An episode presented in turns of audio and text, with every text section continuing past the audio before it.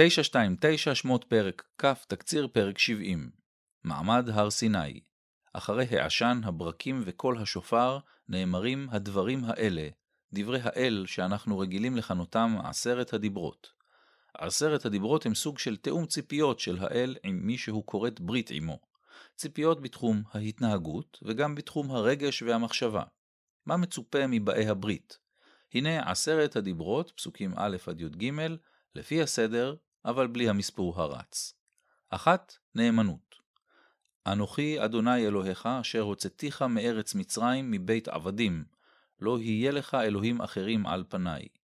פסוק ב' נאמנות באמונה וגם במעשה.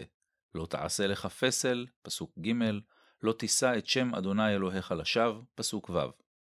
2. שבת. השבת היא לא רק יום כיף לעובדים בששת ימי המעשה, היא יסוד חשוב בברית וגם עדות לאמונה באל הבורא. כי ששת ימים עשה אדוני את השמיים ואת הארץ, את הים, וינח ביום השביעי, על כן ברך אדוני את יום השבת ויקדשהו. פסוק י. 3. כיבוד הורים היחס להורים הוא לא עניין משפחתי פנימי, הוא אחד היסודות של החברה שעימה אלוהים כורת ברית.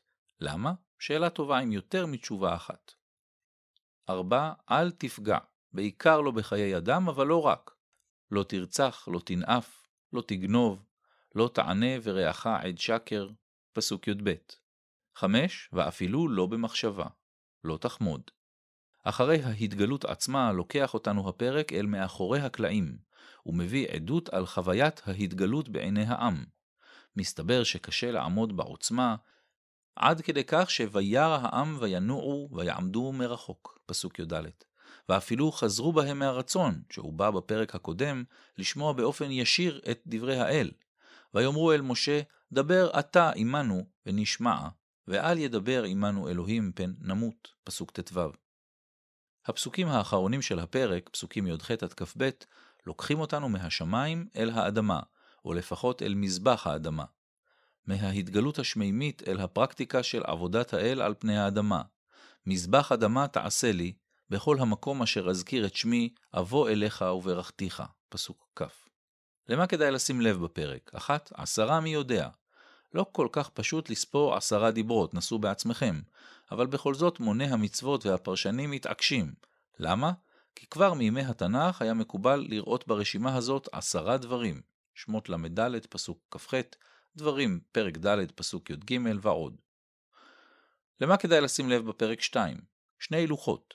את הלוחות נפגוש בהמשך הסיפור, אבל מקובל לראות בעשרת הדיברות את תוכן הכתוב עליהם, שני לוחות, חמישה דיברות ללוח.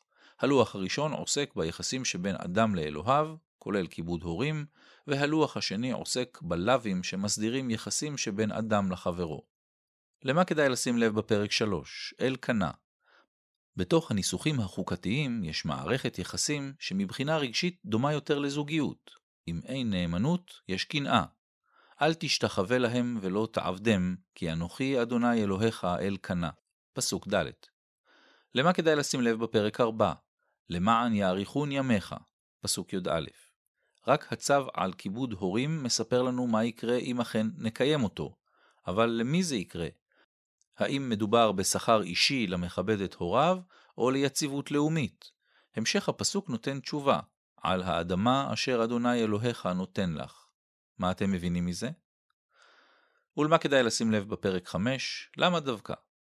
למה החוק הראשון אחרי עשרת הדיברות הוא דווקא החוק על המזבח, דרך בנייתו, ומה מותר ומה אסור בקרבתו? את התקציר כתבה מרים בלומנטל.